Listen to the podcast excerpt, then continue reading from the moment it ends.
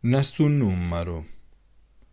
Le citate hanno stato sempre centri di potere, bellezza e ricchezza, ma l'organizzazione ultimi anni mette a rese con la sua funzione storica di caudara che integra e assuppa le nuove arrivate. Man mano che cresce la popolazione, le citate diventano disumani, violenza, sparità e discriminazione, mentre che assai vanno crescendo le citate che assai a ste disgrazie le sopraffanno. Ma con tutto che diventano disumani, le citate rinascono e si rinnovano. Da spirtizza per buscare su pane a Kinshasa, Repubblica Democratica do Congo, e grandi progetti nazionali di fare accanzare l'antica stima e citate con una unica annuscia da Russia. Da gana personale di un gaddarista che fece riviscere lo paesaggio di Riyadh, Tunisia, alla muttito da Catamarra contro lo scippo autoritario di spazi pubblici a Varsavia, Polonia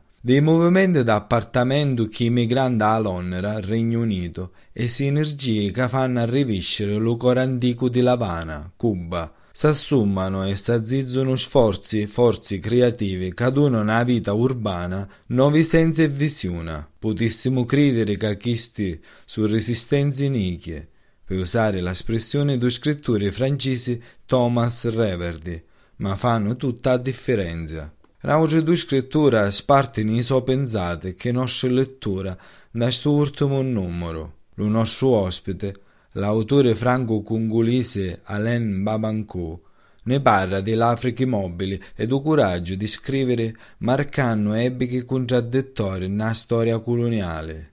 Lo scrittore uruguaiano-americano George Mayfoot si contrappone alla condotta razzista contro i migranti da sezione pensate do quale si provvede un'analisi di politiche con rispetto alla migrazione degli Stati Uniti. Nella sezione Affari di oggi, per celebrare lo giorno dell'Africa, 25 di maggio, pubblichiamo un abboccamento con Shilizi Marwala, Sudafrica, sopra la crescita dell'intelligenza artificiale capo due continenti. Per celebrare lo giorno internazionale della diversità biologica, 22 di maggio, visitiamo l'Uranne Pajaten, Perù, con Roldan Rojas Paredes, l'uomo che ha promovito l'iscrizione di suo sito in rete di riserve biosfera dell'UNESCO.